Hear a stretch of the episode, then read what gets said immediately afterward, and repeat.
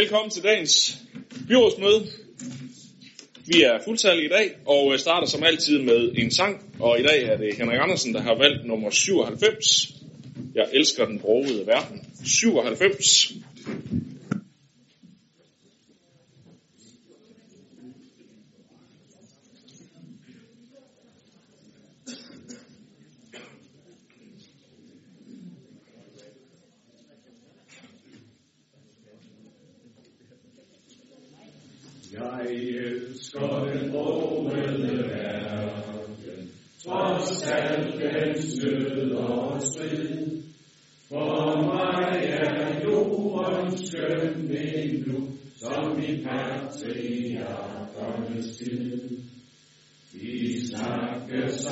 som om den er gammel, af synd og sorg og net. O nej, den flyver endnu i den som solen så under og let. Jeg har ret som andre af smerte, fordi min boble brændst. Men boblen er ikke værd. Til last. Fra livet en dans på roser, hvor alt der var bedre endnu.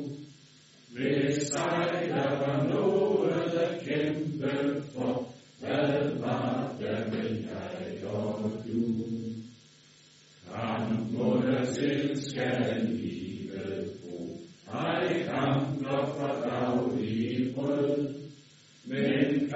for frihed i liv og tro, til evig stillestand er død.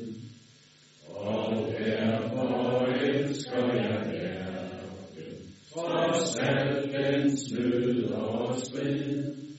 For mig er jorden skøn endnu, som i skabelsens ungdomstid.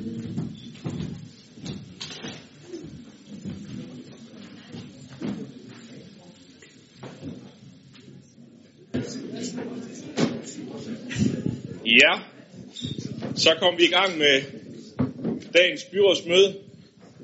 Og øh, inden vi sådan går i gang med punkterne, så kan jeg jo lige minde jer om at tjekke, om I er logget ind, så I kan stemme, som vi jo måske kunne få brug for på et senere tidspunkt. Marie?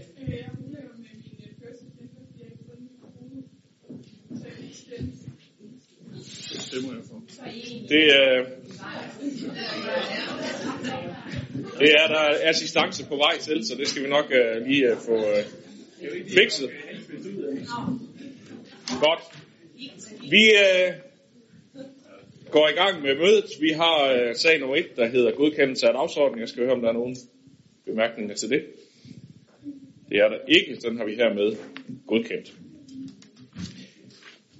Så går vi i gang med sag nummer 2, som øh, handler om økonomiske og administrative øh, konsekvenser af den nye ferielov.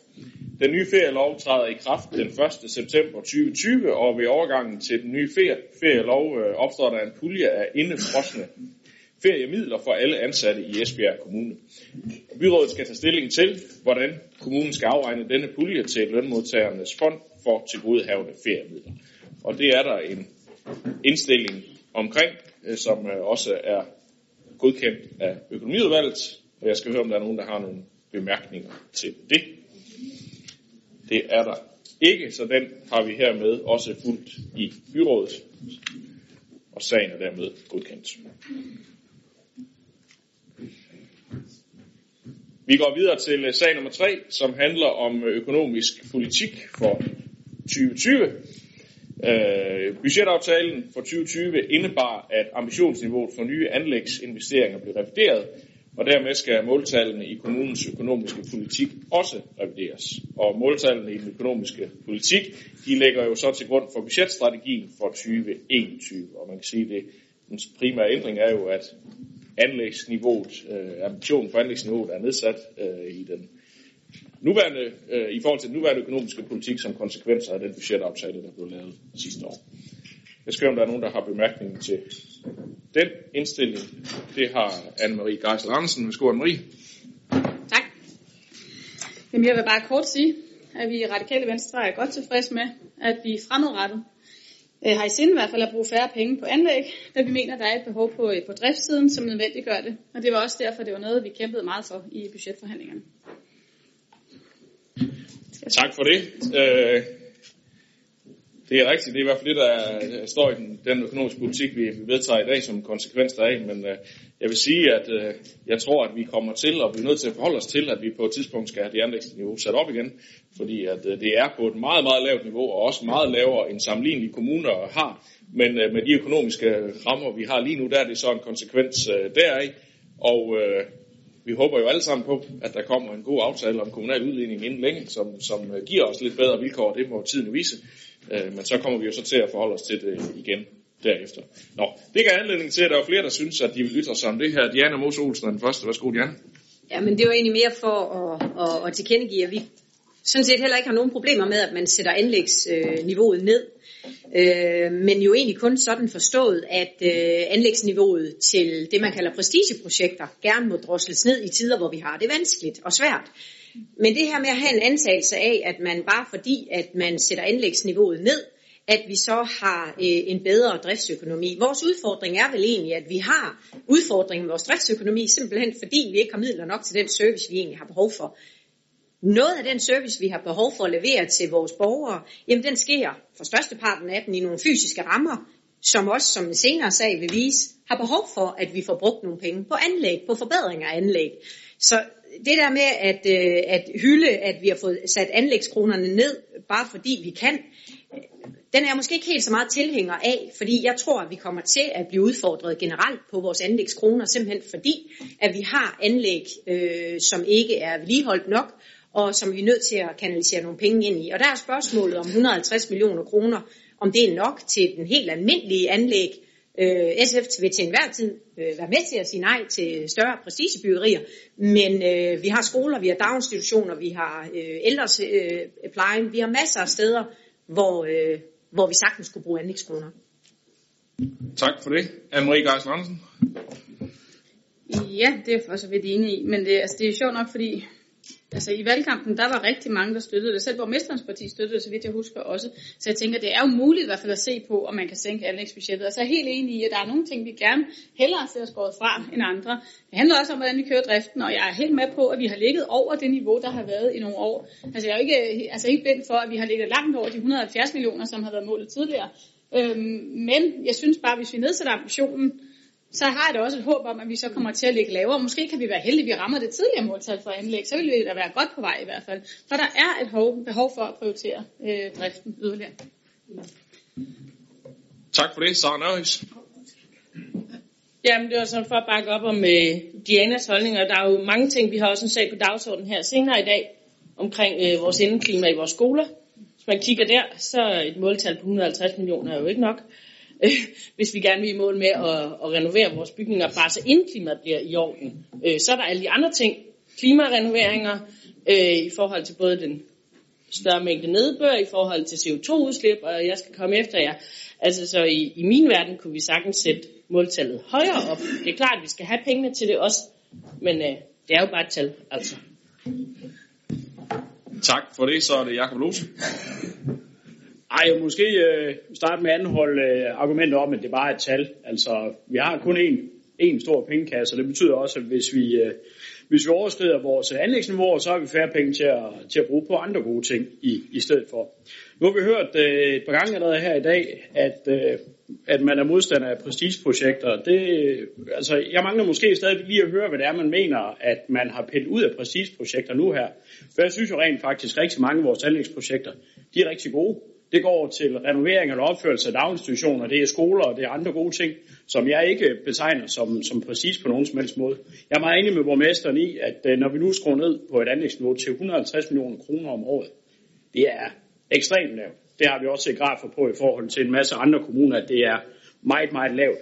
Og det er altså ikke fordi, vi har brugt 100 millioner af kroner på, på prestige i andre år, når det er, at vi faktisk ikke kunne holde os ned på den daværende snorhøjde. Det er fordi, at der har været også en række nødvendige investeringer, som vi har taget på den vis. Så jeg vil godt anholde lidt det der med, at, øh, at det er mål i sig selv, at man øh, kommer så langt ned som muligt øh, i anlægsniveau. Vi har et godt eksempel lidt senere på dagen, synes jeg, hvor vi skal snakke omkring øh, indeklima på skoler, som hvis vi bare tog det der ifølge notatet hed need to have, så skulle vi faktisk bruge 80 millioner kroner på det. Det er jeg meget, meget svært ved at se, hvordan vi inden for overskuelig tid kommer i mål med, med det anlægsniveau, som vi nu har. Så er det Jørgen Snedgaard. Ja, tak. Jeg er faktisk meget glad for, at øh, Diana fra SF øh, lige problematiserer øh, den her øh, udfordring, der er med det meget lave anlægsniveau, vi har, og selvfølgelig skal vores måltal passe efter det budget, der, der er vedtaget. Men det er fordi, jeg tror, der er mange, også borgere, der kunne have øh, den opfattelse, at når vi snakker anlæg, så er det alene nybyggeri. Og det kan vi vel godt spare lidt på. Og hvis det er den antagelse, man har, så kunne det godt give logik. Men det, der, det, det er bare en forkert antagelse, fordi anlæg er meget, meget andet end blot nybyggeri. Det er altså også at skal vedligeholde. En del af anlæg er også et, øh, jeg ved godt, vedligeholde også et drift, men det er altså også en del af det at holde vores anlæg, vores veje, vores bygninger osv. i en ordentlig standard. Sådan at det, vi skal tilbyde vores børn i skoler, vores børn i dagpasning, vores øh, ældre medborgere, når de skal på, på, på plejehjem eller andre steder, at, at der altså er nogle ordentlige fysiske rammer. At vi i det hele taget sørger for, at øh, den bygningsmasse, vi har, er ordentlig. Derudover har jeg også første gang til gode nu at se, at vi bare uden problemer kan skære væk af de anlægsønsker, der ligger, som også efter min mening ikke bare er ønskesedler, som kunne være nice to have, men dybest set er ting, som er nødvendige for Esbjerg Kommune at investere i, hvis vi skal opretholde den udvikling, vi gerne vil. Så derfor har vi en udfordring her. Og, og, og det handler selvfølgelig også om, som der er meget rigtigt blevet sagt, at vi har brug for, og det synes jeg, Anne-Marie Geis Andersen har ret i, vi har brug for, at der er nok penge til vores drift og til mange af de driftudgifter, som vi synes skal hæves, for at vi bare får en standard, vi vil have. Så derfor skal der findes en øh, fornuftig balance i det, og det kræver, som borgmesteren siger, at vi får flere penge at gøre med, øh, med de udfordringer, vi specielt har i Esbjerg Kommune. Tak for det. Så er det Søren Heide Rampersen. Yes, øh, for at fortsætte lidt, hvor, hvor Diana og John var, øh, så, er det, så er det fuldstændig rigtigt, at vi har en sag senere i dag, øh, hvor anlægskronerne går til. Men en del af budgettet for at finansiere det budget, vi, vi har indgået, handler jo om, at vejene holdt rigtig meget for. Og det var med fuld åbenhed, vi alle sammen ved, at vi indgået det budget. Med den øh, præmis, at det sådan set ikke var en intelligent investering, fordi at vores veje kommer til at forfalde hurtigere, og det bliver dyrere. Så, så, så jeg vil næsten gå lidt modsatte vej og sige, skal vi ikke hellere øh, have den anlægsramme, der gør, at vi sådan set kan foretage de, de intelligente investeringer, som bliver billigere for kommunen på lang sigt. Så, så det er sådan set øh, der, jeg er i forhold til den del. Tak for det. Så er det Anne-Marie Geis Larsen. Jamen, jeg er for så vidt enig med John i, at, at anlæg også handler om meget andet, altså en prestigebyggeri, og det er også bygningsvedligeholdelse og vedligeholdelse af veje. Og desværre så var det jo der, vi endte med at skære på anlæg i budgetforledet. Vi havde håbet, at vi kunne have pillet nogle andre projekter ud, som i hvert fald det radikale venstre, jeg ved også, der var andre partier, konservative kæmpede vi også meget med for at få kigget nogle af de andre ting igennem. Og jeg kan ikke redegøre for dem alle sammen, for det lykkedes jo ikke. Jeg kan blose spørge til, hvad vi fik pillet ud. Vi har ikke fået pillet noget ud. Men bare for at på stykker, cykelbroen faldt af sig selv, den blev alt for dyr, så dyr alle kunne se, at det ikke kunne svare sig. Der var nogle fliser i Kongensgade, jeg er ikke med til at tage beslutningen. Jeg synes, de virker usandsynligt dyre i forhold til, at vi har penge. Og i øvrigt, når vi så er fremadrettet, vi vælger jo også at sætte penge af til projektering af, af, af alle mulige altså ting rundt omkring. Vi sætter gang i projekter, så bruger vi 300.000 hist og pist for at lave en plan for, hvordan vi udvikler byen. Og det lyder jo rigtig fint, men hvis vi godt ved, og når vi godt ved, vi har jo ikke pengene her nu til at følge op på dem, så synes jeg, det er fornuftigt, at vi slår bremsen i. Og det er det, vi gør her. Og det kan godt være, at vi kommer på 150 millioner, men hvis vi bare kommer ned på det tidligere måltal, eller i nærheden af det, så er vi da et stykke på vej. Øhm, og så vil jeg sige noget til sidst, det har jeg ikke noget at skrive ned, så det kan jeg ikke huske. Men ja, vi synes, det er en fornuftig prioritering. Tak, så er det Susanne Dyrborg. Ja, nu er det jo ikke i sig selv et mål at få en lav anlægsramme. Det har jo ikke noget at gøre med, med om, hvor niveauet skal være. Det skal forhåbentlig være der, så vi kan afløfte øh, de forpligtelser, vi har. Øh, det er jo noget at gøre med, hvordan man anvender anlægsrammen. Det er jo ligesom det. Og det er jo klart, skoler og sådan daginstitutioner, plejehjemspladser kunne jeg så også nævne. Øh, det er jo klart, det, det, det, det, er, det er need to have, det er ikke nice to have. Og nu spørger Jacob Bloses, om der er nogle øh, prestigeprojekter. Altså jeg nævner hverken cykelbro eller supercykelsti. Men i hvert fald i Dansk Folkeparti, der har vi det ikke som mål at have en lavere anlægsramme. Det er ikke udtryk for, at man er en bedre kommune eller noget. Vi er også en kommune, der gerne vil tiltrække folk, så derfor skal vi også være i vækst. Men det er jo klart at lave en masse forkronede planer, som ikke bliver til noget. Det skal vi måske øh, tænke lidt over en anden gang. Så, så er det sidste gang, du får over til det her punkt, Anne-Marie. Du får lige lov til at kommentere. Værsgo. Det var bare en sidste kommentar på det sidste, der blev sagt, men hvis vi gerne vil tiltrække folk, hvis vi gerne vil tiltrække folk, så er det i den grad også vigtigt, at vi har midler til at prioritere driften. Det gælder ikke mindst vores daginstitutioner og vores folkeskole, og det ønsker vi i Radikale Venstre at gøre mere af. Se, snakken her, den viser jo lidt, uh, hvad det er, vi sidder og slås med, når vi lægger budget. Fordi det handler jo om at få skabt uh, balancen i økonomien, og prioritere udvikling og samtidig sikre øh, øh, øh, udvikling. Det handler jo så både om, om drift og anlæg, men vi kan kun bruge penge en gang, og derfor er det jo den øh, balance, vi, øh, vi skal finde. Øh, man kan også se, at prestigeprojekter kan jo tolkes forskelligt. Nogle mener, typisk er et prestigeprojekt, nogle mener øh, et stort forkrummet monument. Måske er et prestigeprojekt, det skal jeg lade være usagt. Øh, fakta er bare, at øh, vi her Øh, konsekvens øh, retter vores økonomiske politik efter den øh, budgetbeslutning, vi tog sidst, hvor, hvor vi øh, sænker ambitionsniveauet en lille smule, øh, som hvad skal jeg sige, en del af nødvendighedens beslutning, og så må vi håbe, at vi har nogle øh, lidt bedre rammer at arbejde med, når vi kommer lidt længere frem. Men øh, med alle de bemærkninger, der er faldet, så hørte jeg ikke nogen, der talte imod øh, det, der ligger her i, så øh, jeg antager hermed, at vi kan godkende indstillingen. Det kan vi. Så går vi videre til øh, sag nummer 4, en anmodning fra Ribe Handelsdagsforeningen om tilladelse til at holde åbent i Ribes butikker i Pinsen i forbindelse med Tulipanfesten 2020. Og man kan sige, at det er jo sådan en årlig tilbagevendende begivenhed, altså ikke kun Tulipanfesten, men også det, at byrådet skal forholde sig til, om man kan give lov til at holde åbent. Øh, og det har vi jo så øh, gjort øh, de andre år, fordi der jo kom 25.000 gæster til byen i anledning af Tulipanfesten. Og det er meget fornuftigt, at butikkerne også ønsker at holde åben. Øh, desværre kan vi ikke sådan bare permanent søge om det, så man øh, kan gøre det år efter år, men vi skal behandle sagen hvert år. Og øh, det er så derfor, den også er på dagsordenen her, hvor vi indstiller, at det anmoder vi om at, øh, at få lov til. Øh, og det hører jeg ikke nogen, der har lyst til at argumentere imod, så det er det, vi hermed også godkender. Yes. Vi går videre til øh, sag nummer 5, som handler om øh, boligforeningen Fremad, som øh, gerne vil have mulighed for individuel modernisering af badeværelse og køkken i deres afdeling 12 i Frøkærpark. De har nemlig sendt en ansøgning, øh, hvor der i den afdeling er 14 tæt lav boliger. Projektet indeholder individuelle moderniseringer af badeværelser og køkkener, og moderniseringerne og derved huslejestigningerne vil kun øh, blive foretaget, hvis den enkelte beboer ønsker det. Hvis alle beboerne ønsker at få moderniseret både badeværelse og køkken, så koster det samlet set 1,848 millioner kroner. Og øh, arbejderne de vil blive finansieret af et øh, realkreditlån eller via udlæg i afdelingens egne midler, øh, hvis ellers afdelingens økonomi tillader det. Hvis en beboer ønsker både badeværelse og køkken skal moderniseres, ja, så vil det betyde en huslejestigning på 22,48 procent, og dermed en slut husleje på 1008 kroner per kvadratmeter. Og når huslejeniveauet er fuldt ud gennemført, vil det ligge på et i forhold til boligernes beliggenhed højt niveau. Men boligforeningen vurderer, at stigningen er rimelig og fornuftig, og at tillæg ikke vil påvirke interessen for lejlighederne i negativ retning. Jeg skal høre, om der er nogle bemærkninger til det. Det er der ikke, så det har vi hermed også godkendt.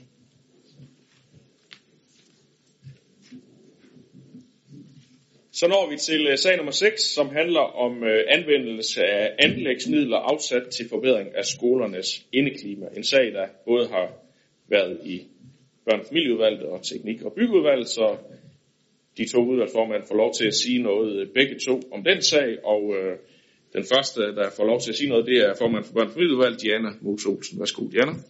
Tak for det. Så spørgsmålet om det er nu, jeg skal sige, at jeg har brug for cirka 80 millioner, eller der, lidt mere. Øh, nej, det skal jeg selvfølgelig nok lade være med at sige, at vi har brug for i morgen, men der er der en særlig udfordring. I øh, byrådets budget for 2019 til 2022, ja, der blev sat en pulje på samlet set 10 millioner kroner af til at forbedre skolernes indeklima. Pengene fra budgettet de er fordelt med 5 millioner kroner i 21 og 5 millioner i 22. De er bevidst rent faktisk placeret i den sidste del af budgetperioden, fordi forlispartierne dengang gerne ville have en vurdering af, hvordan vi bedst kunne sikre et bedre indeklima på vores skoler. Vi var faktisk øh, enige med hinanden om, at øh, vi ikke nødvendigvis havde øh, den rigtige løsning på daværende tidspunkt. Og derfor er der så også nu blevet udarbejdet en rapport, som gerne skulle gøre os alle sammen klogere på skolernes indeklima, og også beskriver nogle mulige løsninger for os. Og rapporten den slår fast, at ventilationen er utilstrækkelig på de fleste af vores folkeskoler, og der er rigtig meget konkret fordel at hente ved at forbedre ventilationen. Analysen peger faktisk på, at eleverne vil kunne forbedre deres præstationer med helt op til 12 procent, og samtidig kunne vi også øh, sænke det årlige fravær ned med 10-20 procent for både elever og lærere. Det tager selvfølgelig øh, rigtig lang tid og koster også rigtig mange penge at rette op på ventilationen på alle vores skoler, men analysen viser jo rent faktisk også, at skolerne selv kan være med til at optimere indeklimaet igennem nogle adfærdsændringer. Derfor har vi valgt i børnefamilieudvalget at øh, sætte lidt fokus på de her øh, adfærdsændringer, og vi valgte at bede øh, forvaltningen om at gå i gang med at udarbejde nogle konkrete forslag øh, til skolerne, så de får arbejdet nogle gode vaner ind i hverdagen. Det kan handle om mange ting, men det kan for eksempel handle om at gå udenfor i pauserne, at åbne vinduerne fast efter undervisningen, bruge gangarealerne noget mere, rydde op, øh, og også sørge for, at der bliver gjort ordentligt rent. Betyder det så, at vi ikke skal bruge penge til indeklima overhovedet fremadrettet? Nej, det gør det ikke. Og derfor kommer det også til at betyde, at når vi kigger på masterplanen på skoleområdet og de investeringer, der fremadrettet skal afholdes, jamen der er indeklimaet også en af de elementer, som vi kommer til at kigge på gang på gang. Forbedringerne af skolernes indeklima, de spiller med øh, sammen med både Vision 2025 og børne- og ungepolitikken, hvor det er vores ambition at tage Danmarks bedste skolevæsen og sikre, at vores børn og unge, unge nogle sunde og udviklende læringsmiljøer. Og det kræver så også, at vi får sat øh, nogle gode rammer for både vores elever og ansatte i folkeskolen. Og jeg vil med de ord give ordet videre, hvis jeg må, for, for borgmesteren til øh, formand for Teknik- og Byggeudvalget, Søren. Tak skal du have. Som formanden for børnefamilieudvalget og familieudvalget fortæller, er der blevet lavet denne rapport omkring indklimaet. Og rapporten er et produkt af et godt samarbejde på tværs af vores områder. På baggrund af denne rapport har Teknik og Miljø vurderet, at de 10 millioner kroner gør mest gavn, hvis de bruges på at forbedre indklimaet på SKAS skole, signatur og Præstegårdsskolen Urban. Beslutningen bunder blandt andet i, at der er, at det er nogle store skoler med høje klassekoefficienter og at undervisningslokalerne også bruges til fritidsaktiviteter efter skoletid.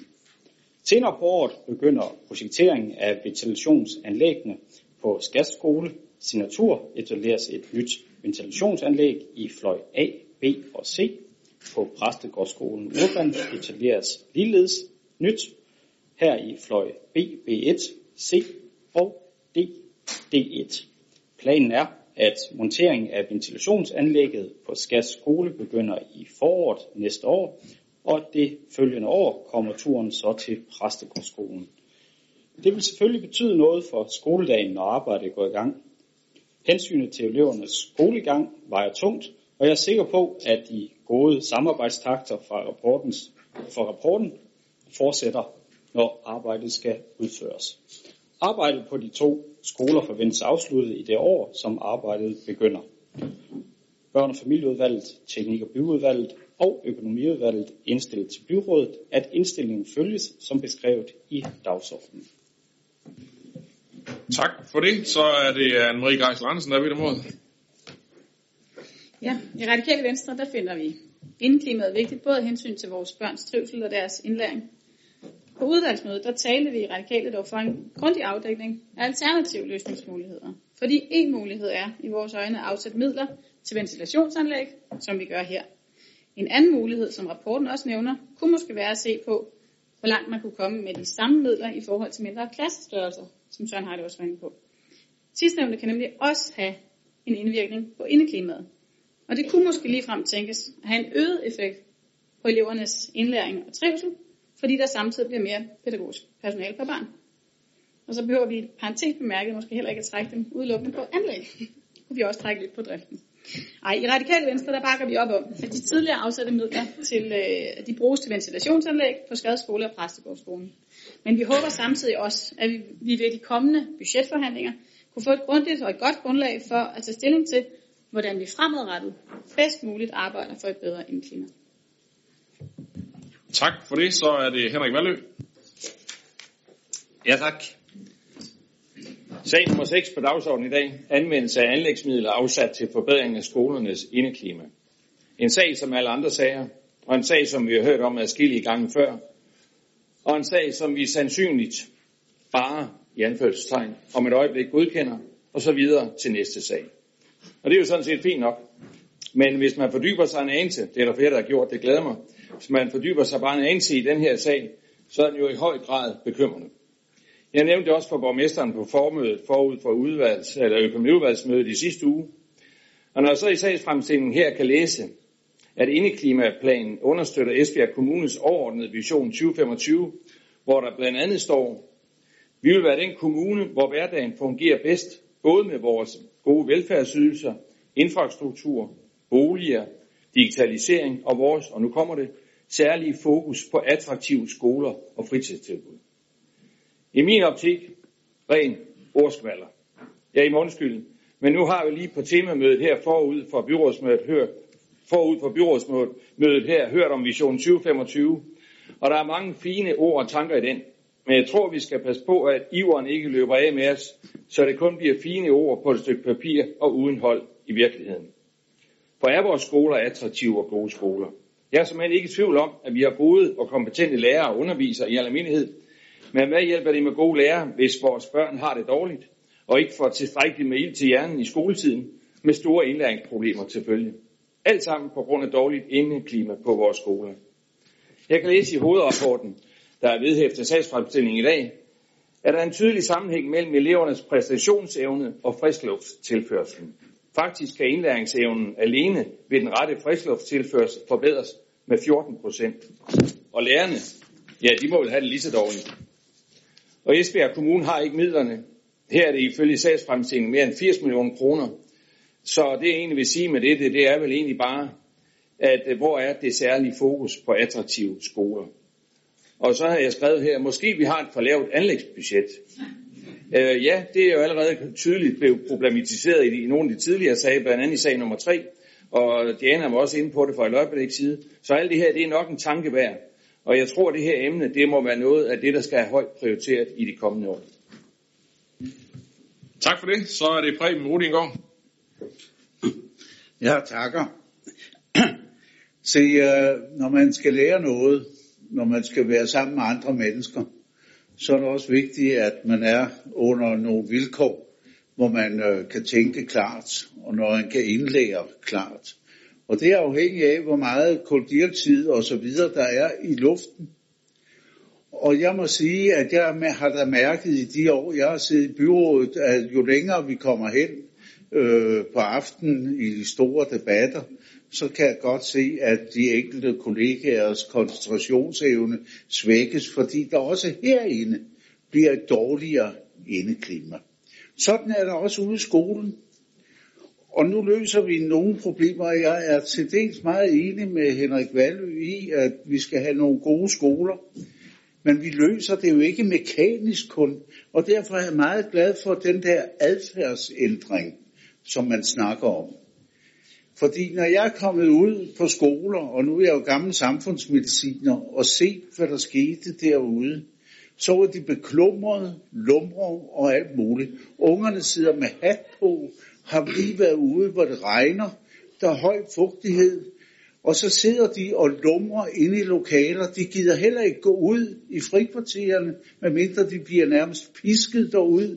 Og det vil sige, at det lumrer indeklima. Det vil jo øh, medvirke til, at deres koncentrationsevne svækkes. Så det er både et spørgsmål om mekanisk ventilation osv., og adfærd. Og jeg vil gerne rose børn og familie over, at I har taget det med, fordi det er lige så vigtig en faktor, det her. Og så giv dog lærerne mandat til at sige, jeg gider ikke sidde og glo på dig, med den hat på, der sidder og er fugtig og lummer ud, så alle dine kollegaer eller kammerater, deres koncentrationsevne hæmmes. Det er den skole, som vi bliver nødt til, en kombination af en fysisk skole og en skole med en ordentlig adfærd. Tak for ordet. Selv tak, Preben. Så er det Diana Mos Olsen. Jamen, jeg valgte lige at tage ordet egentlig, fordi øh, da jeg øh, læste op på vores udmærkede øh, redskab heroppe, som vi har fået, jamen så kunne jeg faktisk se, at det punkt, som vi netop har valgt at sætte fokus på i børnefamilieudvalget, det faktisk ikke er med i beslutningen, øh, nemlig punkt 4, øh, at, øh, at vi egentlig ønsker at arbejde med, med adfærdsændringer. Og, og når vi har valgt at tage det på den politiske dagsorden, så handler det jo faktisk også om et signal, vi ønsker at sende om, at vi aktuelt øh, vil give vores skoleledere og vores lærere og pædagoger et mandat til at arbejde med det her. Helt konkret at gå ind og få kigget lidt på, hvad er det rent faktisk for adfærdsændringer, der skal til. For det kan der godt være, at alle ungerne de skal udenfor i alle frikvartererne igen. Jeg ved ikke, om I andre I kan huske, hvordan det var at gå i folkeskolen. Jeg kan da huske, at vi skulle være ude i alle frikvarterer. Måske er det derfor, eller måske ikke, det ved jeg ikke, at, øh, at vi er kommet så nogenlunde ud af det. Øh, kom selvfølgelig an på, hvilke briller der ser. I forhold til ventilationen, grunden til, at vi har diskuteret det sådan, så er det jo faktisk fordi de steder, hvor vi har investeret i ventilationer, der er det jo ikke nødvendigvis blevet bedre. De steder, hvor vi har øh, etableret mekanisk ventilationer, jamen hvordan er indeklimaet så der? Er det blevet markant bedre? Men det er det jo ikke, hvis ikke vi må åbne et vindue. Fordi jeg ved ikke, hvordan I forestiller jer. Prøv at mærke herinde. Altså vi har øh, ventilation herinde. Jeg ved ikke, om I synes, indeklimaet er super godt. Øh, det er hammerende varmt, og det er ret beklumret, selvom der ikke er nogen, der sidder med hatte på eller våde jakker øh, så er det også herinde øh, ret øh, lavt iltniveau. Forestil jer at gå ind i en 7. eller en 8. klasse. Ventilationen har måske kørt på sit højeste, men der er ingen åbne vinduer. Der er madpakker, hormoner, våd overtøj, eller hvad der nu ellers er. Så derfor er vi faktisk enige med hinanden om, at, at vi har måske ikke de rigtige løsninger endnu. Men ikke dermed sagt, at vi ikke kommer til at skulle behandle at vi skal lave nogle investeringer i vores skoler. Der går faktisk ikke lang tid. Jeg har, har formandsmøde i dag. Jeg kan sige til børnefamilieudvalget, vi har sager på på vores næste børnefamilieudvalgsmøde, hvor der kommer nogle indstillinger til en række sager på vores skoleområder, hvor vi skal kigge på noget mekanisk ventilation eller andet. Det løser det bare ikke alene. Henrik, du siger fine ord. Nej, for Søren. Vision 2025. Der er fem år til. Så jeg glæder mig til, når vi skal til at forhandle budget, at I så alle sammen er med på at afsætte en masse midler til folkeskoleområdet, den masterplan, vi kommer med. Det huskede jeg lige her med, ikke? Tak øh, for det. Øh, lige et par kommentarer til dit øh, indlæg, Diana. For det første, det der vi kan se på, på tavlen her, det er direktionens indstilling. Og den beslutning, vi så måtte tage, kunne jo være den, som børne- og familieudvalget også øh, har besluttet. Det må vi jo se, når vi øh, kommer der til. Det er i hvert fald den, som økonomiudvalget har indstillet til byrådet, så, så det bliver den, vi ligesom øh, forholder os til. Øh, ja, jeg skal nok slukke for din mikrofon lige et øjeblik. Øh, øh, og øh, så vil jeg sige, at vi har prøvet at tage konsekvensen af indeklimaet herinde, og har åbnet vinduet øh, nu, så vi får lidt naturlig ventilation. Øh, så det var, det var derfor, der var lidt støj før, hvis der var nogen, der bemærkede det. Yes. Du ved vi... godt, når du bliver ved med at give mig ord, så må jeg blive ved med at snakke. Ja, og nu slukker jeg for din mikrofon, og så giver jeg ordet til Michael Harbøl i stedet for, der har pænt trykket sig ind. Værsgo, Michael. Tak. Øhm, det er spist morgen med mine børn her i morges, der fortalte jeg dem, dem om det her punkt på dagsordenen. Min datter, hun går i anden klasse på den samme skole, som jeg gik på for over 30 år siden. Umiddelbart så er klasselokaler og indretningen det samme, dog er der kommet flere elever i klasserne. Min datter på 8 år, hun kunne kan genkende problematikken med dårlig indeklima og fortalte, at de ofte havde det varmt i klasserne. I dag der beslutter vi os så forhåbentlig om at bruge nogle flere penge på indeklimaet i skolen, og det kan vi selvfølgelig kun bakke op om i Socialdemokratiet. En anden måde at gøre det på, kunne for eksempel også vil være mindre klassestørrelser, som også Anne-Marie hun sagde. Det foreslog Socialdemokratiet og SF jo ved sidste budgetforhandlinger. Dengang var der desværre ikke hvad hedder det, opbakning med det. Men det kommer der måske i fremtiden. Tak. Tak for det. Så er det øh, Jakob Lose. Jamen, tak for det. Det var jo, jeg synes jo, det var meget sigende, at det lige aktie var under det her punkt her, mens at uh, formanden for børn- og familieudvalget uh, talte, at den er dem så lige kørt til side og så åbnet vinduet så. Jeg ved ikke, om det er sådan en her, vi skal have i alle vores klasselokaler, fordi det øh, vil da kræve lidt, lidt modifikationer af eksisterende bygningsmasse, så tænker jeg. Øhm, nu skal jeg ikke øh, forhale snakken øh, ret meget længere, men altså, vi har jo lige forladt et andet punkt, hvor vi jo snakker omkring vores anlægsrammer. Jeg synes jo, det her, det jo viser med al tydelighed, hvorfor det er, at vi har et problem her. Fordi selvom vi så prioriterer nogle midler, ind over de kommende år, så går der en lang, lang overrække, inden man rent faktisk kan komme i bund med det her problem her. Og de, de par 80 millioner kroner, det er jo altså kun det, som man betegner som need to have, ikke nice to have, så er vi ude på et helt, helt andet beløb end det, som, som vi snakker om. Og derfor øh, havde vi også den gode diskussion i børn- og familieudvalget, hvor vi jo netop snakker om, jamen altså en ting er selvfølgelig, hvad man kan løse ved hjælp af teknik og teknologi, men en anden ting det er også det der med, hvordan man man kan forbedre adfærden. Fordi at øh, svaret derhjemme, hvis det er, at vi skal have godt indklima i vores huse, det er jo heller ikke typisk, at man sætter et ventilationsanlæg op. Det er jo faktisk, at vi hver morgen og hver eftermiddag lige åbner vinduerne en gang, og så får luftet godt igennem. Og jeg har også selv øh, kunder i butikken, og jeg skulle lige sige, jeg tror ikke, det er hver dag, at øh, der lige bliver luftet ud, efter børnene de har siddet og indtaget deres, deres madpakker inde i, inde i klasselokalet. Og det får man så også øh, et, et indeklima efter. Så øh, jeg ser frem til, at man tager handsken op ude på skolerne og får en god snak omkring det her, øh, hvordan man ved, at øh, den enkelte skole og den enkelte klasse skal arbejde med, hvordan man kan gøre det her. For jeg tror rent faktisk, man ved små greb kan gøre nogle ting langt bedre end det, som der er tilfældet i dag. Og det er klart, at en CO2-måling, der er jo alverden til forskel, om man øh, har husket at lufte ud i frikvarteret, hvor børnene er alligevel ude i skolegården, sådan er det i hvert fald for mine børn, eller om man har haft vinduerne lukket hele dagen. Og det koster i hvert fald ikke 80 millioner kroner, hvis man laver noget adfærdsoptimering der. Tak for det. Så er det Søren Heidel Lambersen. Nu er det ikke så lang tid siden, jeg var ude og dele ballonger og kage ud i to skoleklasser. øhm, og det var faktisk to skoleklasser på vilkårlige skoler. Jeg, jeg er selv gået i klasse lige siden af begge lokaler, helt tilfældigt. Øh, og der var i hvert fald ikke så mange i lokalerne dengang, som der var nu. Så er ingen tvivl om, at der er kommet et øget, øget pres for, at vi får installeret noget ventilationsanlæg, fordi det kan være svært, fordi det i modsætning, der er lidt en modsætning til, at vi bare åbner vinduerne, der er adfærdsregulering. For vi ønsker jo også at opnå nogle klimamål, og med det samme vi åbner vinduerne, så lukker vi alt den varme luft ud. Øh, der kommer godt nok kold luft ind, men med det samme vi installerer et ventilationsanlæg, så genbruger man varmen for det øh, luft, man ventilere ud. Så der er også sådan, der er sådan lidt modsætninger i det, som, som gør det rigtig svært. Men det er i hvert fald super, at vi nu har fokus på det. Også der er sat den fokus på det, at nogle steder fungerer det ikke. Det ved jeg i hvert fald, Diana i flere omgange har i talsat, at, at det er en udfordring de steder, vi får det. Nu har vi jo selv fået åbnet her, fordi det ikke var det.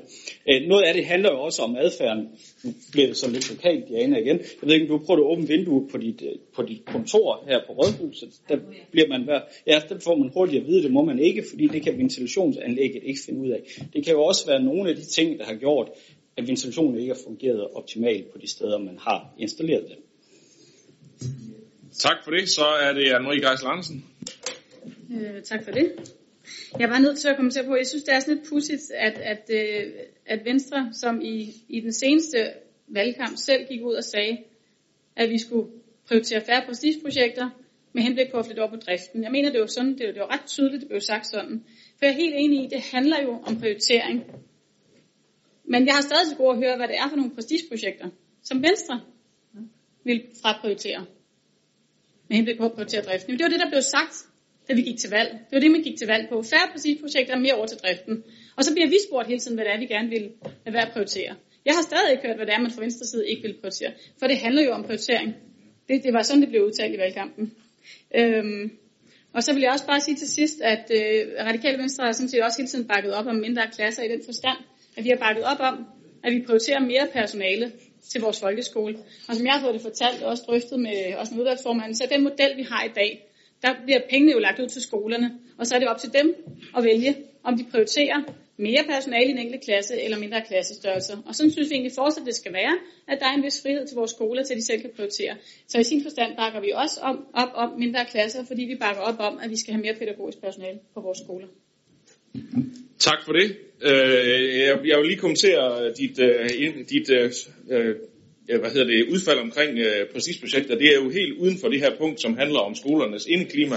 Og øh, jeg skal kun gøre det kort ved at sige, at øh, vi har de sidste to år lavet nogle ret brede budgetforlig, hvor vi har gennemgået alle øh, anlægsinvesteringerne med et tættekamp, og derfor er der jo kun nødvendige projekter i det her. Vi vil gerne have ønsket nogle flere, men der er jo ikke noget, der ikke er nødvendigt, der ikke er bred opbakning til. Så der er ikke noget øh, af det, som, øh, som har haft øh, hvad hedder det, karakter af præcisprojekter, hvis du spørger mig.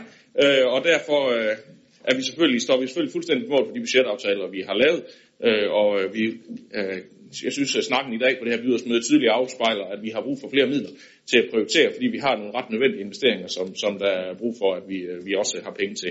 Det er flere, der har nævnt, så det tænker jeg ikke, vi skal øh, bruge mere krudt på øh, der. Øh, og den sidste del, øh, jeg også følte, jeg lige er nødt til at give en kommentar, det var Michael Harvøls øh, indlæg omkring, øh, at øh, der var et forslag om færre elever i klasserne. Det tror jeg, vi alle sammen kunne drømme om. Øh, det var ikke den politiske vilje, der manglede. Det var nok nærmere de økonomiske midler til at sikre den. Og det er jo ligesom der, øh, skoen den trykker igen, at øh, hvis ikke vi har penge til at, og gå, gå ned af, ret langt ned af sådan nogle veje, men så kan det jo være vanskeligt at, at nå i mål med det. Men øh, det var et svært budget, det tror jeg, vi alle sammen kan huske. Vi var igennem, og øh, vi nåede det, vi kunne øh, nå. Men der er ikke flere på talelisten, så jeg synes, vi skal øh, forholde os til nu her, at vi øh, øh, følger børn- og familieudvalgets øh, indstilling og økonomiudvalgets indstilling, sådan at vi godkender, øh, at øh, vi fordeler midlerne, og at vi også kommer til at arbejde med adfærden ude på skolerne. Det er der bred opbakning til, og så det er det, vi gør. Så går vi videre til øh, sag nummer 7, som handler om øh, byfornyelses, eller ansøgning om byfornyelses tilskud i Bramming. En sag, der har været i plan- og miljøudvalget, så den forelægges af formanden derfor. Karen Sandrini, værsgo. Tak. Ejerne af seks ejendomme har søgt om tilskud fra puljen til privat bygningsfornyelse i Bramming Bymidte. Puljen har til formål at fremme bygningsistandsættelser, som bidrager til at, for, til at forskynde bymiljøet og fremhæve de historiske ejendommes arkitektoniske kvaliteter. Byrådet besluttede den 20. januar 2020 at meddele tilsavn til tre af ejendommene. De tre øvrige ejendomme havde Plan- og Miljøudvalget valgt at udsætte behandlingen af. Plan- og Miljøudvalget har nu behandlet de, tre ansøg, de sidste tre ansøgninger. Af de tre ejendomme har udvalget besluttet kun at indstille Nørregade 52B til at modtage tilskud, i det, udfaldet, i det udvalget finder, at de to øvrige ansøgninger i for højt omfang omfatter renoveringsarbejde med karakter af almindelig øh, vedligehold.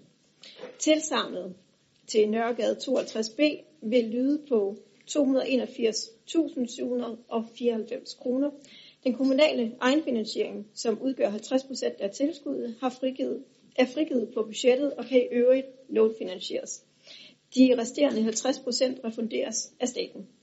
Herefter er der fortsat midler i puljen til uddeling af yderligere tilskud. Plan- og Miljøudvalget og Økonomiudvalget indstiller til byrådet, at der træffes byfornyelsesbeslutning for Nørregade 52B i Bramming. Tak for det. Det er der ikke nogen, der har bedt om ordet til, så det øh, ser det ud til, at hele byrådet kan følge. Så det er det, vi gør. Så når vi til øh, sag nummer 8, som øh, handler om øh, igangsætning af planlægning for boliger og erhverv i Torgade 6. En sag, der har været behandlet i plan- og miljøudvalget, hvor et flertal øh, kunne godkende, at man igangsatte planlægningen, og øh, det stemte Socialdemokraterne imod og begærede sagen i byrådet, og derfor er det dermed derfor Karen Sandrine, der fremlægger sagen. Værsgo, Karen. Ja, sådan. Tak. Jamen, øh, sagen drejer sig om et boligbyggeri i op til 12 etager, som er ønsket bygget på hjørnet af Torgade og Borgade. Byggeriet er sat til at huse erhverv i, et, øh, i første og anden etage, mens de resterende etager vil indeholde lejligheder. Hjørnegrunden har været øh, ubebygget siden 2008, men er en attraktiv plads i Esbjerg bymidte, bymidte at kunne få lov at bygge på. Bygherre har lavet et stort arbejde i at tilpasse projektet i høj kvalitet, og materialevalget er flot. Dog ser vi i Socialdemokratiet en kæmpe udfordring i at bygge over fem etager i en så central placering ved siden af nogle af Esbjerg bys helt unikke perler. For udover at det efter vores vurdering er for højt og dominerende i byggeri, så passer det ikke ind i Esbjergs meget fine gridstruktur. Det vil efter vores overbevisning ikke komplementere Utzons smukke musikhus, som er en af Esbjergs stoltheder. Vi ser ikke, at boligbyggeriet til op til 12 etager passer ind i den fine historiske byggestil i en så central placering, så tæt på nogle af vores flotte perler. Og her taler jeg også om vandtårnet. Jeg vil gerne opfordre til, at man overvejer nøje at reducere ønsket om denne højde så centralt. Hvis vi øh, først vælger at bygge høje projekter her, så kan man ikke bare undo it, når, når og hvis man fortryder, eller fortrydelsen melder sig. Vi kan ikke godkende forvaltningens indstilling i udarbejdelsen af en lokalplan og kommuneplan ændring for boliger på, øh, og erhverv på Torgade 6 på op til 12 etager. Tak for det. Så er det Henrik Valø. Ja, tak. Ja, det er måske lidt andre ord, der kommer fra den her side, men øh, vi, jeg synes jo, vi står her med en ganske spændende sag om et tiltænkt nyt byggeri på hjørnet af Torgade og Borgade. Indledningsvis vil jeg sige, at vi måske som kommune bør spørge os selv, om vi ikke har et, et integritets, eller en integritetsudfordring. En udfordring, der bunder i den sagsbehandling, vi byder Esbjergs private investorer og bygherrer.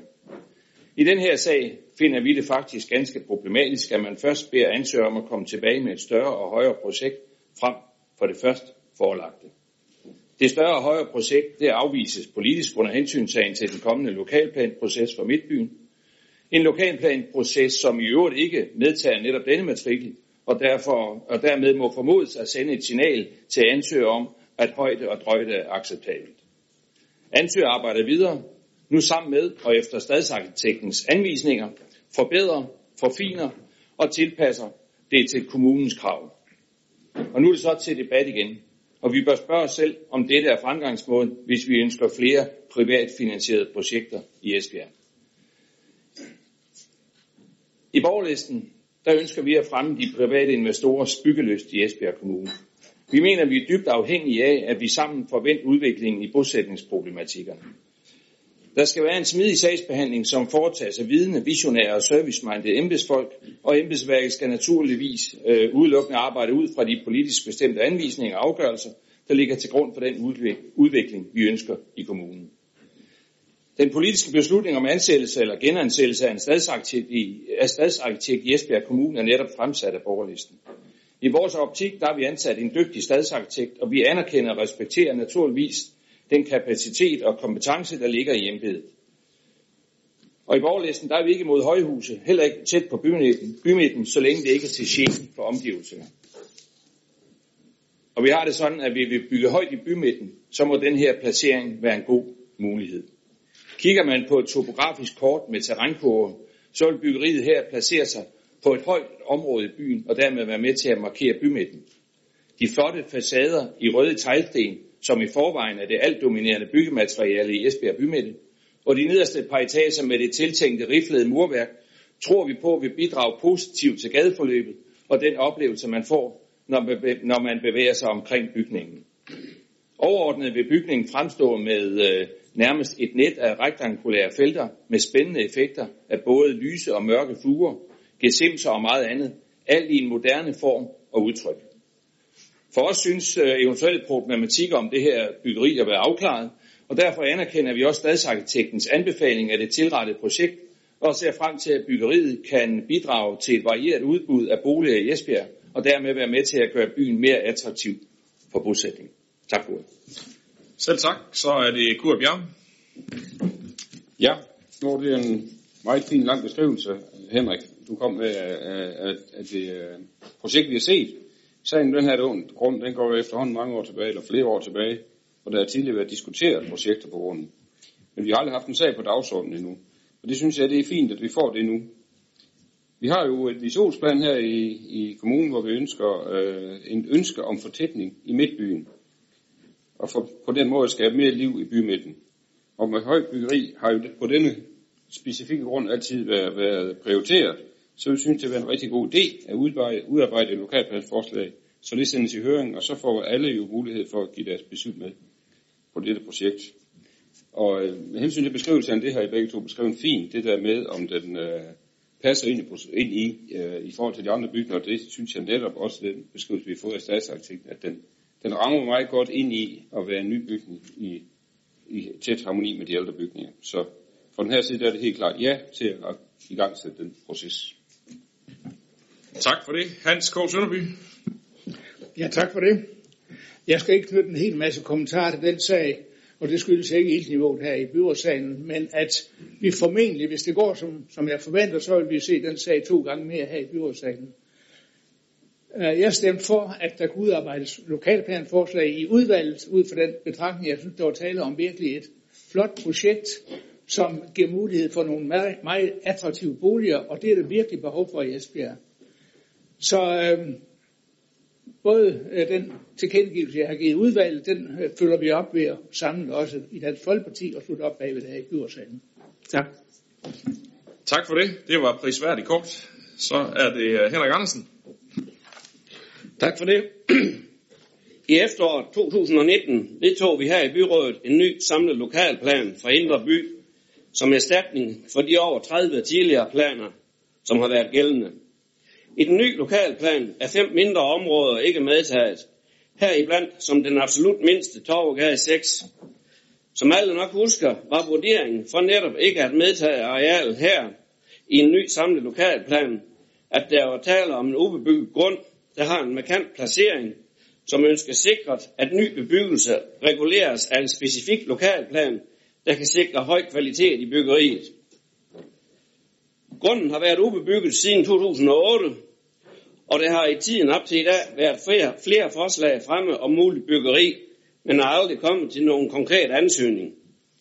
Derfor hilser jeg det også meget velkommen, at vi nu endelig, dog efter afstemning i plan- og miljøudvalget, har fået et punkt på dagsordenen, omhandlende et, et ønske om eventuelt byggeri på grunden, så vi politisk og på et oplyst grundlag kan tage beslutning om at arbejde videre med projektet eller ej. Det er flere gange, også her fra byrådssalen, lyt, at vi i Esbjerg burde have ansat en stadsarkitekt. Det har vi nu fået, og ham skal vi selvfølgelig gøre brug af og lytte til. Hvis ikke i en sag som denne, hvornår så? Så jeg er glad for, at et stort flertal af partier i plan- og miljøudvalget, udover os fra Venstre, så både Dansk Folkeparti og SF kunne tilslutte sig forvaltningens indstilling om igangsættelse af planer for området, og opfordrer også alle andre til at sige ja her i dag.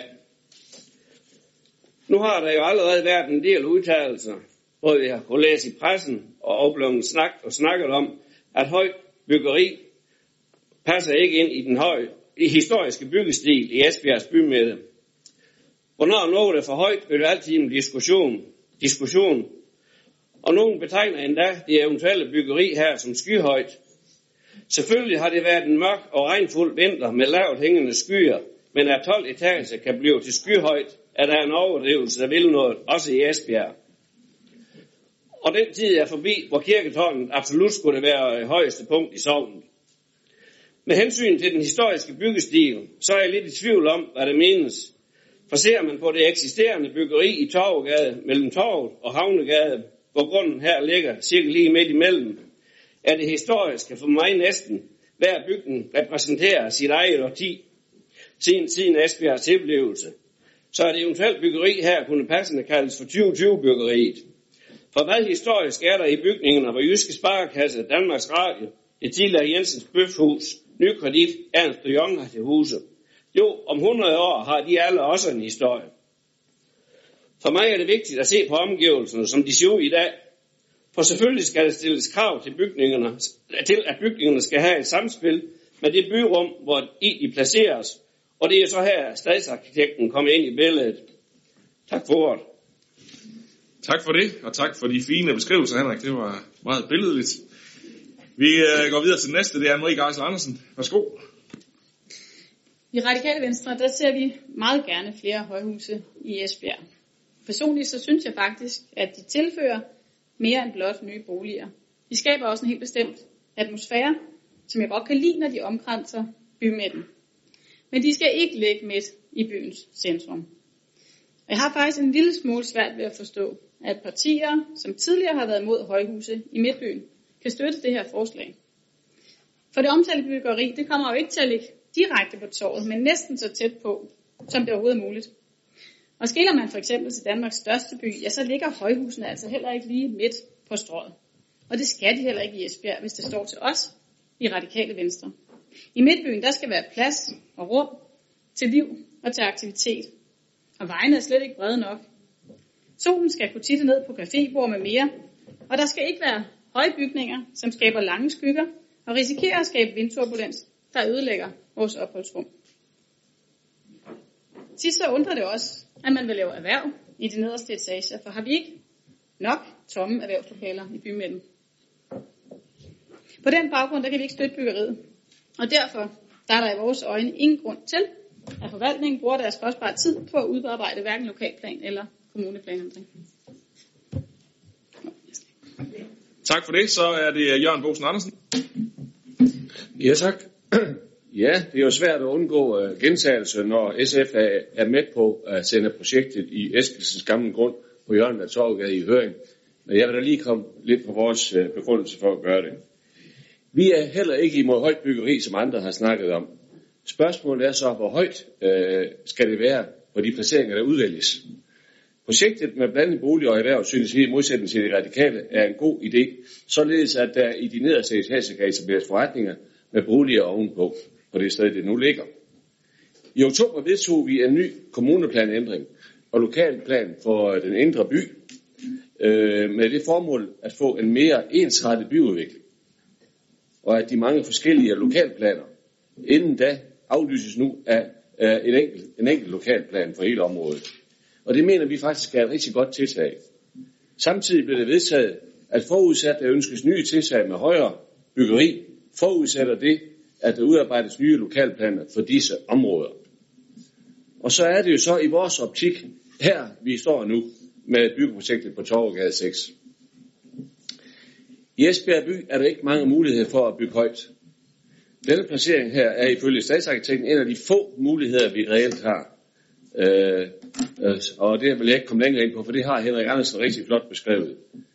Umiddelbart synes vi også, at 12 etager kan virke højt på øh, den her placering. Men selve byggeriet vil uden tvivl komme til at fremstå i en spændende øh, kvalitet, som andre også har været inde på, og projektet er noget helt andet end sidste år på tale. Selve beliggenheden er også attraktiv, og vi vil bidrage, og vil bidrage til et bæredygtigt byliv med blandt andet forretninger og boliger. Vi vil tiltrække nyere og højeuddannede borgere til byen, øh, og det har vi også været inde på, at der er et behov, og vi er også nødt til at skaffe spændende boliger, og det kunne jo være en mulighed, at de kunne øh, findes her.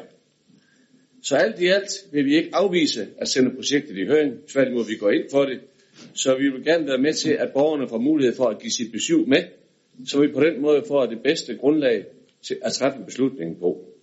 Og kort sagt måske på en anden måde, vi er med på trods, at 12 etage ikke er et must for os. Tak for det. Så er det Hans Erik Møller. Ja, tak. For det første, så øh, inden jeg lige så kommer med selve indlæg, så synes jeg lige, der er en par enkelte ting, jeg vil kommentere for lige øh, at få helheden med. Og den første, det er til dig, Henrik Valdøg. Fordi at du vender tilbage til, at bygherren en gang har fået at vide, at øh, man måske skulle komme med et større projekt. Det kan jeg sige, at du har ret i. Det var lang tid før sidste kommunevalg, eller det var før sidste kommunevalg, hvor man efterfølgende har indgået en aftale om, at man ikke vil have så høj byggeri øh, i den indre by. Og det er også derfor, kommunenplanen øh, er lavet øh, ud fra det, og lokalplanen. Og så kommer jeg lige ind til dig, Henrik, fordi at, at det synes jeg bare lige er vigtigt lige at få sagt. Når den lille grund i Torvgade er friholdt, og jeg har spurgt til det to gange på planen med for at være helt sikker, og du har også hørt svaret, så var det alene fordi, der var en bank, der havde nogle tanker den pågældende sted, og det var årsagen til, at man valgte at tage den ud. Det er ikke noget med højden at gøre, eller andet. Så, øh, og, og, og for at være helt sikker, spurgte jeg to gange ind til det. Og, og så er det korrekt, at øh, på et tidspunkt, så kommer nogle bygherrer spørger, om vi så går over de fem etager, og den 17. i 9. der besluttede det enige udvalg blot, at vi afviser byggeri over fem etager på bunden. Punktum. Og så kommer vi til selve sagen. Det her sagen drejer sig om i dag, det er jo dybest set, skal vi virkelig ofre en masse penge på en forslag til en kommuneplanændring, og nu i arbejdelsen af lokalplan. Det har altid været god kutyme, at vi hvis vi sætter forvaltningen i gang med det, og bruger en masse ressourcer til det, så øh, er det da fordi, vi gerne vil det. Altså det der med, at det kan vi da bare gøre, og så kan vi da bare forkaste det bagefter. Altså jeg synes da, det har aldrig været god kutyme, og jeg synes da slet ikke, det er det efter det her budget, hvor alle er beskåret så meget, som vi har hørt om, så tror vi bare, at vi kan gøre det. Og også ud fra en lighedsbetragtning, så er der mange borgere, der kommer med nogle forslag og bliver afvist, afvist ved døren, fordi de får at vide, jamen det der, det kan du ikke i henhold til kommuneplanændring, eller til kommuneplanen det pågældende sted, eller det kan du ikke i henhold til lokalplanen. Men, men jeg kan jo godt høre, for at behandle borgerne lige, så skal vi måske gå meget længere og sige, men vi vil da gerne hjælpe med at prøve at lave et forslag til en kommuneplanændring og en lokalplan, men ingen tror på, at det nogensinde bliver til noget. Og lige netop det, tror man på, at det her nogensinde bliver til noget. Vi gør i hvert fald ikke. Vi synes, det vil være så synd ved kulturaksen, Borgergade, Torvgade, og bygge sådan en kæmpe mastodont på så lille en grund. Bare lige gøre opmærksom på, det kan man også se i sagen, at vi snakker om en byggeprocent på 781 procent. Det er fuldstændig uhørt højt, øh, eller højt øh, byggeprocent, på så lille en grund, så det kommer til at være en kæmpe mastodont. Foran Ots Utzon tegnede musikhus, når man står for toget og kigger opad, og hvor har vi dog gjort meget, for at vi virkelig kunne få en flot allé fra toget og op til musikhuset. Vi har også lys, øh, stjernetegn og alt muligt i fortoget. Det er da fordi, at vi gerne vil bevare det her. Det er jo ikke sådan, at vi siger nej til et byggeri på fem etager. Det er jo hele tiden sagt, fordi det er jo også det, vi er enige om i den indre by. Men at gå op i 12 etager, det vil fuldstændig ødelægge. Og derfor er der ingen grund til at gå ud. Og så kan det godt være, at der er noget, der bliver historisk. Jeg holder stadigvæk af vandtårnet, som Esbjerg Kommunes varetegn, også selvom vi har de fire hvide mænd. Men det kommer jo også til fuldstændig at overskygge den. Og derfor vil det være dybt latterligt at sige ja i dag til, at forvaltningen skal til at ofre en masse ressourcer på kommuneplanændring, på lokalplan. Jeg kunne faktisk godt tænke mig at slutte af med at citere Helena Plet fra Esbjerg Kommunes Bøfond, fordi hun siger det nemlig også fuldstændig, jeg var egentlig så skide glad, når jeg læste en artikel, man skulle næsten tro, at jeg havde snakket med hende først. Det har jeg ikke. Hun skriver, det er synd på Midtbyen at placere et højhus lige der på byens kulturaksen. Den tager magten fra alt andet omkring sig og får byrummet til at vælte. God planlægning er at tænke i hele her. Det er rigtig godt sagt. Og så siger hun også, hun er heller ikke imod høje byggerier. Og det er vi heller ikke. De skal bare placeres det rigtige sted. Og det er absolut ikke inde i midtbyen. Jeg synes, det er det, vi laver ude ved lysningen. Det man laver ude ved Rytmers kaktushusen. Og det, jeg synes, det er utroligt flot. Så det er jo ikke et spørgsmål om, vi har noget imod det. Men vi kan allerede sige nu, det her det vil fuldstændig ødelægge os midtby.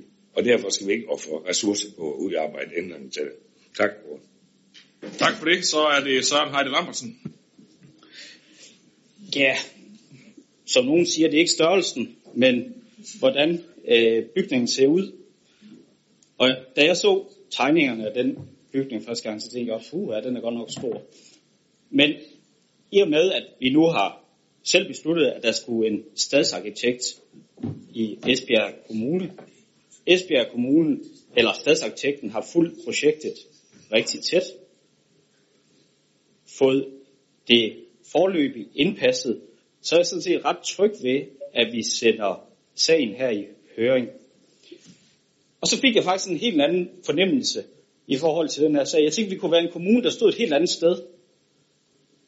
Vi er en kommune, hvor, hvor befolkningstilvæksten stagnerer. Men vi mangler ikke investorer til bygninger. Det synes jeg da godt, vi kan glæde os over sådan en dag. For vi kunne da have stået i en, i en endnu værre situation. Det var lige en, en sidebemærkning i forhold til, til den del. Nu bliver det sendt i høring, og jeg har en forventning og også en formodning om, at stadsarkitekten øh, kommer til at følge sagen meget tæt, fordi det er noget af det, jeg lægger vægt på, det er, at vi har en stadsarkitekt, der ligesom kommer til at fungere som en smagsdommer, så vi kan være sikre på, at det her kommer til at passe ind. Og så håber jeg da også, at der kommer øh, rigtig mange illustrationer af, hvordan øh, selve byggeriet øh, kommer til at, at skygge ind for, eller ikke skygge, eller skygge for vandtårnet og de forskellige ting, og skyggeeffekter, og alle de her ting, der bliver afklaret. Der er også nævnt, nævnt turbulens, øh, den bliver også nogle gange brugt, hvor, hvilke, øh, hvad skal man sige, øh, hvilke indvirkninger det har. Så, så lad os få sendt den i høring og se, hvad der bliver sagt. Tak for det. Så er det Sara Nøjes. Ja, tak. Øhm, jeg ved ikke lige helt med det der med, at der er flere, der har nævnt, at det skal sendes i høring. Sådan som jeg læser sagen, så er det meningen, at der nu skal arbejdes med forslag til lokalplan og kommuneplan.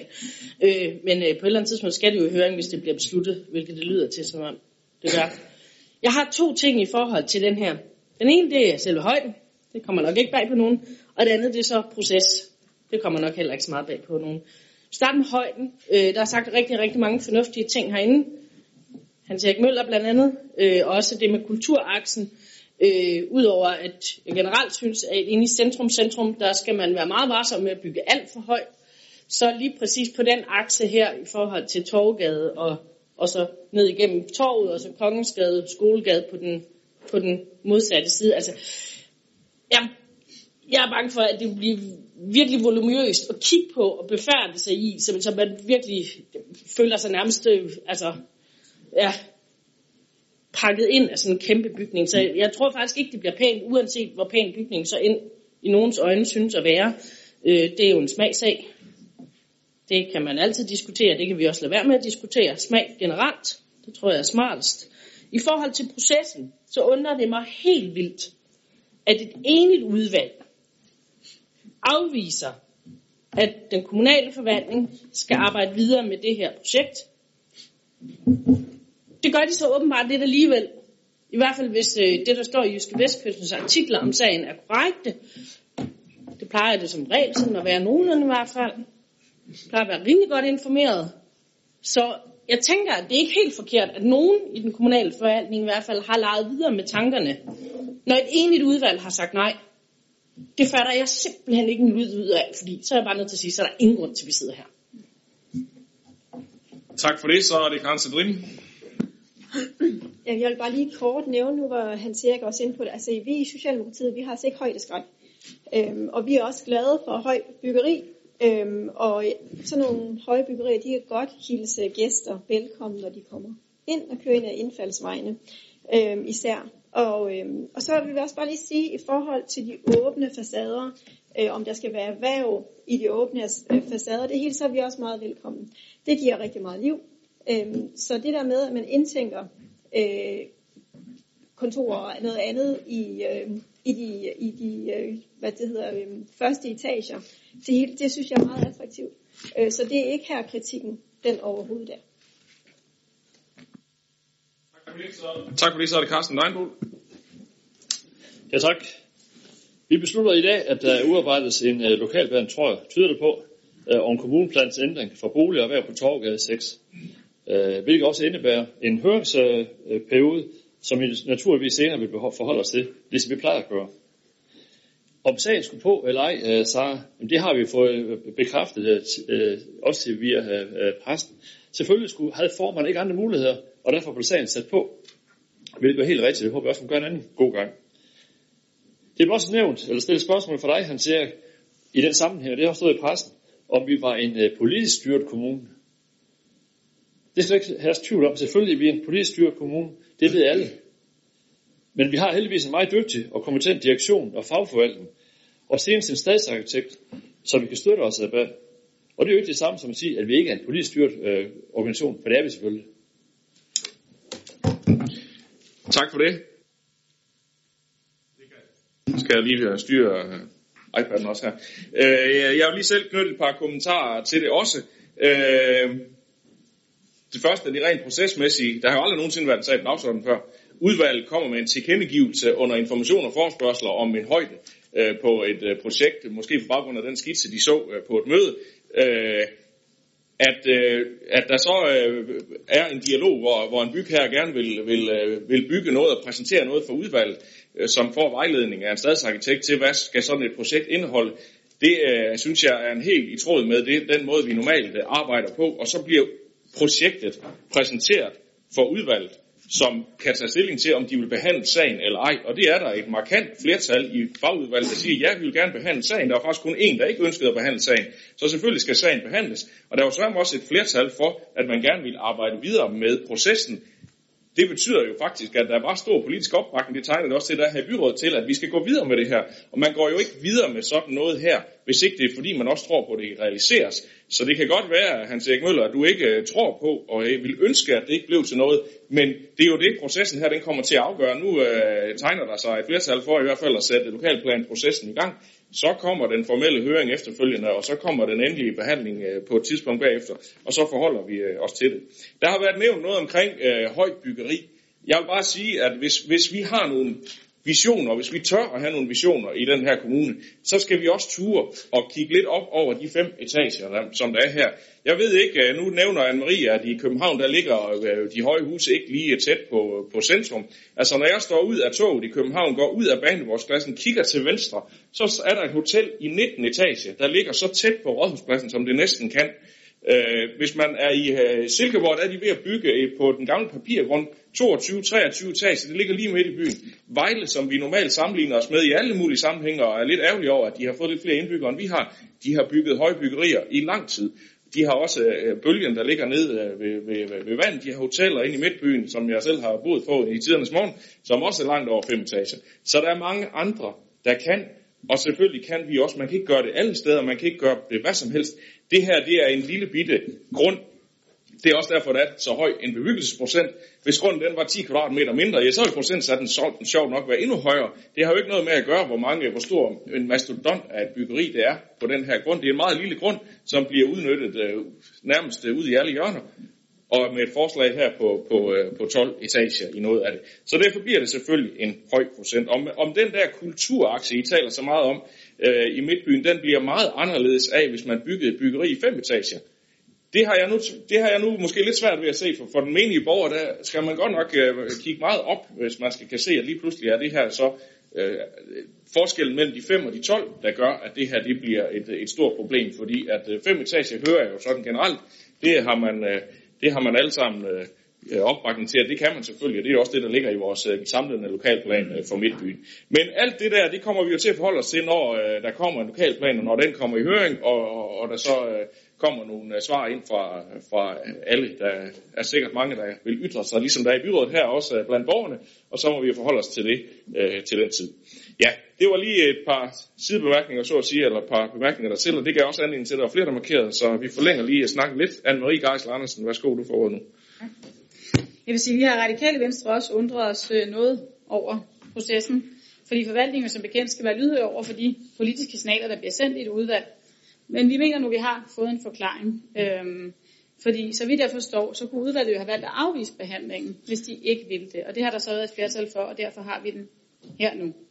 Så to ting, jeg lige må kommentere på. Fordi selvfølgelig, Jesper, kan vi bygge højt. Spørgsmålet er jo, hvor. Vi vil meget gerne bygge højt, bare ikke så tæt på bymidten.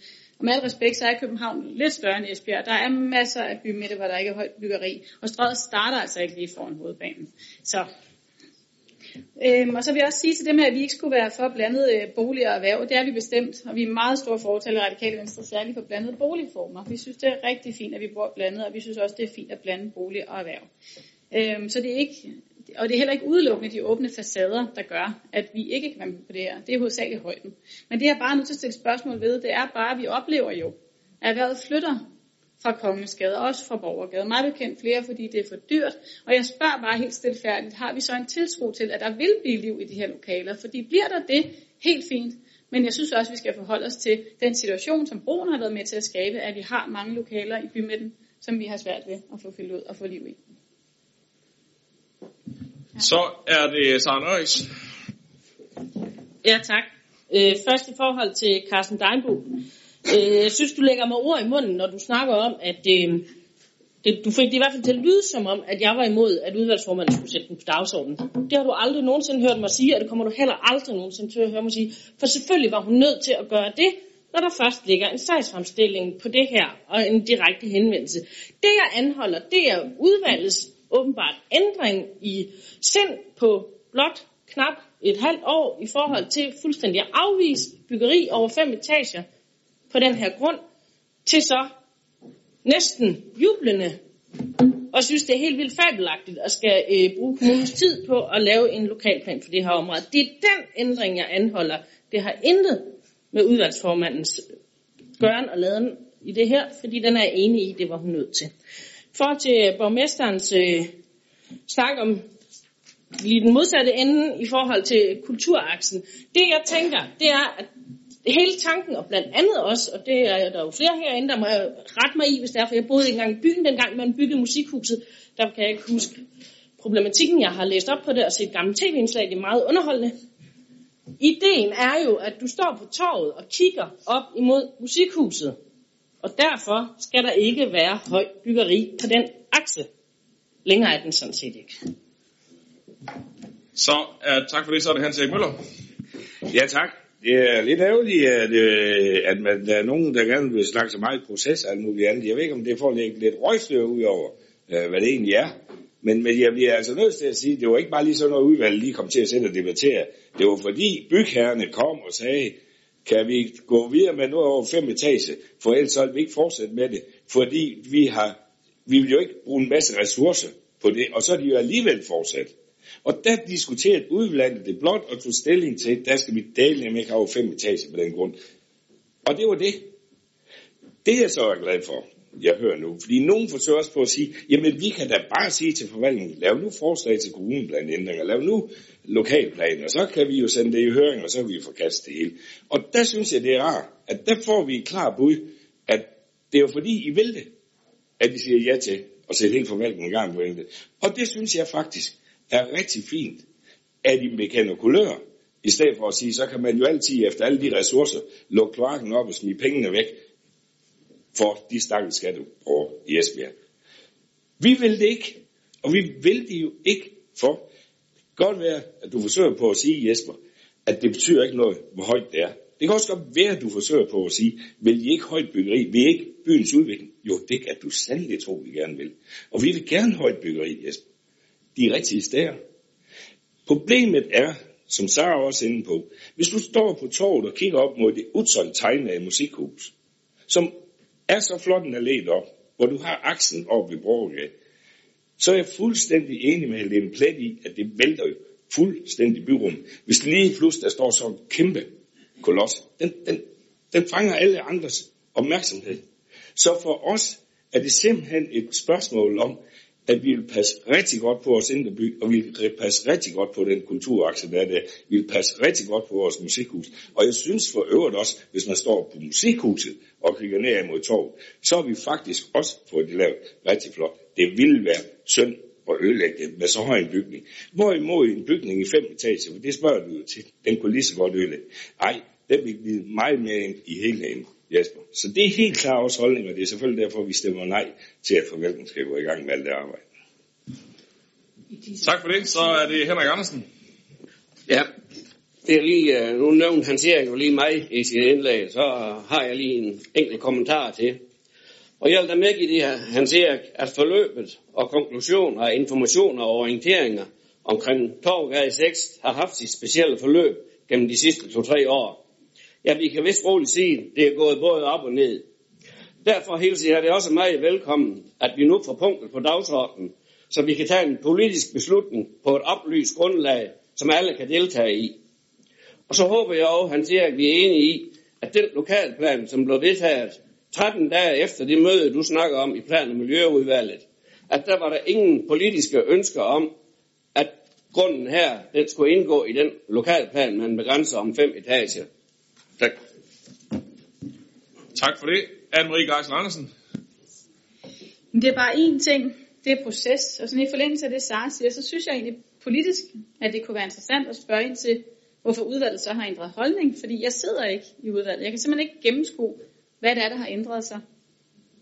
Det kunne være rart at få afklaret. Så vil jeg bare lige sige, at der er sådan en visualisering, eller et kort i uh, sagen, og så vidt jeg kan se, så er den der røde plads, den, uh, den sidder altså slet ikke det, der, hvor den bygning, vi taler om, er. Bare lige hvis sagen skulle risikere at komme videre, så, uh, så I kan rette den til. Det kunne der være en vis uh, sandsynlighed for, at den kommer, ja. men uh, vi uh, noterer os, at der er en lille detalje, der, der kan justeres. Så er det uh, Connie Geisel. Ja, tak. Jeg vil egentlig ikke sige noget, men det kan jeg simpelthen ikke lade være med. Forleden dag kom jeg gående i Torvegade, jeg skulle op i musikhuset, og jeg glædede mig faktisk over at se det flotte vandtårn. Vores varetegn igennem rigtig mange år her i Esbjerg, der var lys på, og hvor var det bare smukt. Det bliver borte. Det bliver væk. Det bliver væk, det bliver gemt af det her store højhus, der kommer til at være der, hvis det er det, og det tegner der jo på, at rigtig mange vil stemme ja til det, selvom man heller ikke bor i Esbjergs indre by, men så er man jo også fri for at se på det. Der var en tegning i Jyske Vestkysten her for nylig, hvor de viste de her to huse, der skal være deroppe. Det ene med 12 etager. Og så var der en rigtig flot park, og der var en sti, og jeg tror, der var nogen, der var ude og gå med en hund også. Og så tænker jeg bare, på den lille grund, med alt det, der skal bebygges der, hvordan kan der være både en park, hvordan kan der være en sti, og hvordan er der plads til, at folk skal være der. Jeg synes, det er så ærgerligt for Esbjerg by. Det er ganske forfærdeligt, hvis der bliver sagt ja til det. Og jeg vil sige, at vi er rigtig mange, der siger nej til det, men jeg kan forstå, der er ikke nok, der kommer til at sige nej til det her. Og hvor er det ærgerligt for byens borgere. Tak. Tak for det. Så er det Preben Udingård. Herre borgmester, jeg skal ikke forlænge debatten, men sige, det er noget, man kan blive totalt forvirret af. Fordi vi hører jo følelser. Det er jo følelser. Det er noget med ens synsoplevelser og alting. Og sådan er det også for mig. Jeg kan da også være i tvivl om mange ting, om det nu skal være sådan og sådan. Og jeg vil sige, når vi nu snakker om at kigge op, og der blev jeg korrektet, da vi tidligere i dag snakkede om, at min gode kollega øh, øh, Alex Sørensen, som sidder der, for han sagde, Preben, når du går ned i Ribe med alle de lave bygninger, hvad kigger du så op af? Det store tårn i domkirken. Så altså, der er jo meget med følelser i den her proces. Hvad er det, vi skal vælge? Og jeg kan høre et meget splittet byråd. Og hvad gør vi så? Det rigtige. Sender det ud til høring, ud til befolket. Det er jo ikke jeres by alene. Det er heller ikke min by alene. Det er borgernes by, og lad da borgerne få lov til at udtale sig. Det er jo det, vi hører og, øh, og gør i denne her proces, således at vi får en demokratisk pejling på. I sidste ende er det os, der beslutter det. Men lad os nu spørge borgerne. Jeg synes, det her er befængt med en række mærkelige, udokumenterede følelser øh, på den ene og anden måde. Tak for ordet. Tak for det. Øh, inden jeg lige giver ordet til Ulla Kohmann, der er den sidste på listen øh, til den her øh, sag nu, så vil jeg bare, jeg er nødt til lige at give dig et øh, lidt svar tilbage, Connie, på det der. Jeg ved ikke, jeg ved ikke øh, helt, hvordan det er, du får den bygning her til at, at få vandtårnet til at gå væk. Det er i hvert fald, øh, man skal finde et eller andet særligt spot, hvor man kan se de to bygninger i samme. Øh, øh, når du går ned i Havnegade, så tror jeg, jeg er sikker på, at vandtårnet det vil stå lige så flot, som det altid har gjort. Når du går i Torgade, så kan du ikke se vandtårnet, fordi der er nogle andre bygninger, der står i vejen. Om den her den så var i fem etager, så kan du i hvert fald slet ikke se den, og det hører jeg jo, du gerne vil være med til. Så jeg tænker ikke, det er de fem eller de 12, der afgør, om du kan se vandtårnet eller ej, når du står øh, øh, der. Og når man så kigger ned ad den der fantastiske akse, vi står ved hesten på torvet, altså så, så får vi jo en, en, en facade i begge sider, hvor det hul, der nu er, det bliver fyldt op med en bygning. Øh, det, det er jo ikke sådan, øh, at man går ud i gaden på den måde og, og øh, øh sætter noget i vejen. Man kan altid diskutere, om noget tager magten fra hinanden eller ej. Øh, men man skal i hvert fald øh, helt over øh, på den ene side af torvet, for man overhovedet vil kunne se, øh, at, der, at der er en bygning der. Men øh, alt det der, det kommer vi til at forholde os til på et senere tidspunkt. Øh, nu får Ulla Koman lige ordet her, og så håber jeg, at vi kan forholde os til øh, indstillingen. Ulla, værsgo. Ja, nu er der jo både de lyse og de mørke sider. Der er både lys solen, og så er der også skyggerne. Og det er altid dejligt at høre dig, øh, Preben Rudingård, at du er så venlig, og du er så omsorgsfuld, og du har en mild stemme, og har et, øh, et mildt syn på demokratiet. Og derfor selvfølgelig gerne vil have det i, øh, i, øh, ud til høring, og det er jeg da også øh, enig med dig i. Men jeg må så også sige, at øh, så håber jeg, at der er rigtig mange, der så vil øh, melde øh, ind i forhold til den her, at øh, man kan komme ind med sine synspunkter, fordi at jeg har jo netop hørt Jesper Frost sige, at øh, jamen, at der er faktisk flertal for, at det her, det skal, det her det skal bygges. Så man kan jo godt sige, at det er jo så lidt pseudo, at folk kan få lov til at, at sige, hvad, hvad de mener om sådan en, øh, et byggeri der. Øh, og det der, jeg vil sige som han siger, jamen det var da dejligt at høre det sådan, I har det i forhold til demokratiet. Tak for ordet. Vi vil rent faktisk gerne behandle sagen. Vi vil gerne give borgerne mulighed for at forholde os til det. Nu har vi, for, nu har vi så givet øh, først og fremmest øh, politisk mulighed for, at vi har forholdt os til det. Det har vi brugt lidt tid på i dag. Jeg synes jo ikke, man skal sende nogen sager i høring, hvis ikke det er fordi, man tror på, at det er det, man vil. Det er jo sådan set det, vi gør. Det er også sådan, vi gør, når vi lukker en skole. Så sender vi en påtænkt beslutning i høring om at lukke en skole. Så hører vi, hvad folk siger til det. Og så tager vi den endelige beslutning bagefter. Den kan så gå den ene eller den anden vej. Det her sender vi også øh, i. Nu sætter vi først og fremmest en lokalplanproces i gang. Og bagefter kommer der en sag i byrådet her på et senere tidspunkt, hvor vi sender lokalplanforslag i høring. Det gør vi selvfølgelig, hvis det er det, vi gør til det tidspunkt, fordi vi tror på, at det også skal realiseres. Og så lytter vi til borgernes input, og så kan vi enten forkaste det, eller justere det, eller hvad der nu kommer ind. Det er faktisk øh, med stor respekt for demokratiet, at øh, jeg synes, vi skal håndtere det på den måde. Men jeg kan høre, at der ikke er øh, sådan helt opbakning til det hele vejen rundt i byrådet. Så jeg skal høre, hvem der kan stemme for flertalsindstillingen fra plan- og miljøudvalget, og dermed arbejde videre med igangsætning af en lokalplan.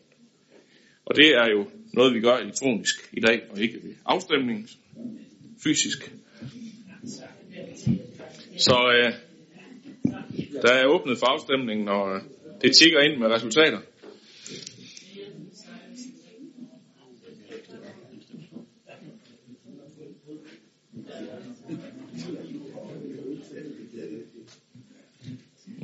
Ja. Så mangler vi... Øh,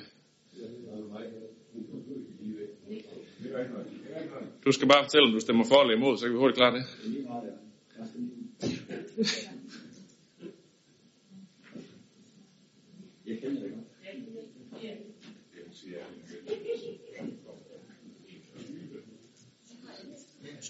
Så var der 31, der havde afgivet deres stemme. 19 for, 12 imod. Forslaget er dermed vedtaget, og vi sætter gang i processen. Så jo, jo, det, ja. Der bliver selvfølgelig en øh, uh, mindretals uh, fra Socialdemokratiet på den her sag, ligesom der var i, uh, i uh, plan- og udvalget og i uh, økonomiudvalget, der oversendte vi bare sagen, men, men uh, den samme mindretalsudtalelse bliver påført sagen. Godt. Vi uh, går videre til uh, sag nummer 9, som handler om øh, arealerhvervelse til etablering af et signalanlæg. En sag fra teknik- og byggeudvalget, så det er formanden derfor, der fremlægger den. Værsgo, Søren Heide Lambertsen. Tak skal du have. Vi har tidligere bevilget 2,2 millioner kroner til etablering af et signalanlæg i krydset Torvegade Haraldsgade, således bybusserne kan betjene den nye hovedindgang til Sydvestjysk sygehus fra køreplanskift den 28. juni i år.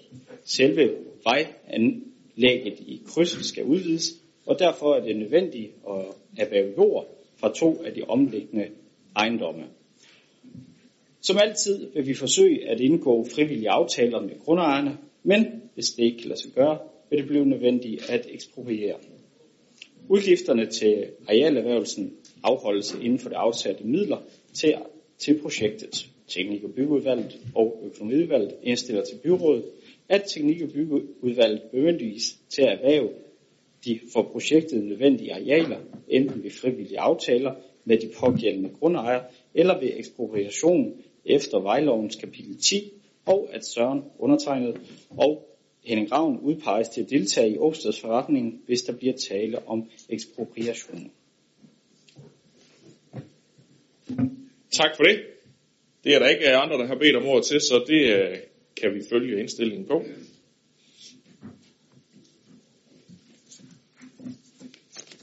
Og så går vi videre til uh, sag nummer 10, den sidste på den åbne dagsorden, som handler om et byggeregnskab for Bøge Allé 14 i Ribe. En sag, der både har været i Social- og Arbejdsmarkedsudvalget og Teknik- og Byggeudvalget, så der får vi igen en dobbeltfremlæggelse. Vi starter med formanden for Social- og Arbejdsmarkedsudvalget. Han vil ikke sige noget. Så øh, kaster vi den direkte over til formanden for Teknik- og Byggeudvalg. Værsgo Søren, du får det igen. Yes. Undervejs i projektet er udgifterne til selve projektet her blevet højere, end vi først havde regnet med. Det afslører anlægsregnskabet, som nu er afsluttet. For boligdelen har der været en mere udgift på 1.230.000. Beløbets størrelse skyldes flere ting. Først og fremmest har der været uforudsete udgifter i forbindelse med udgravningen. Blandt andet blev der fundet et nedgravet vandbassin, og siden hen dukkede der også et el kabel og et, nogle fjernvarmerør op. Intet af dette var synligt på de eksisterende tegninger, og det har kostet at ændre på rørføringen. I for, forhold til selve byggeriet, i forhold til selve byggeriet viste rådgiverens udbudsmateriale sig generelt at være mangelfuldt. De steder, hvor der i udliciteringsprocessen umiddelbart var fundet besparelser, kunne, disse besparelser kunne alligevel ikke realiseres i det ønskede omfang. Det drejer sig for eksempel om tagkonstruktionen udstuer.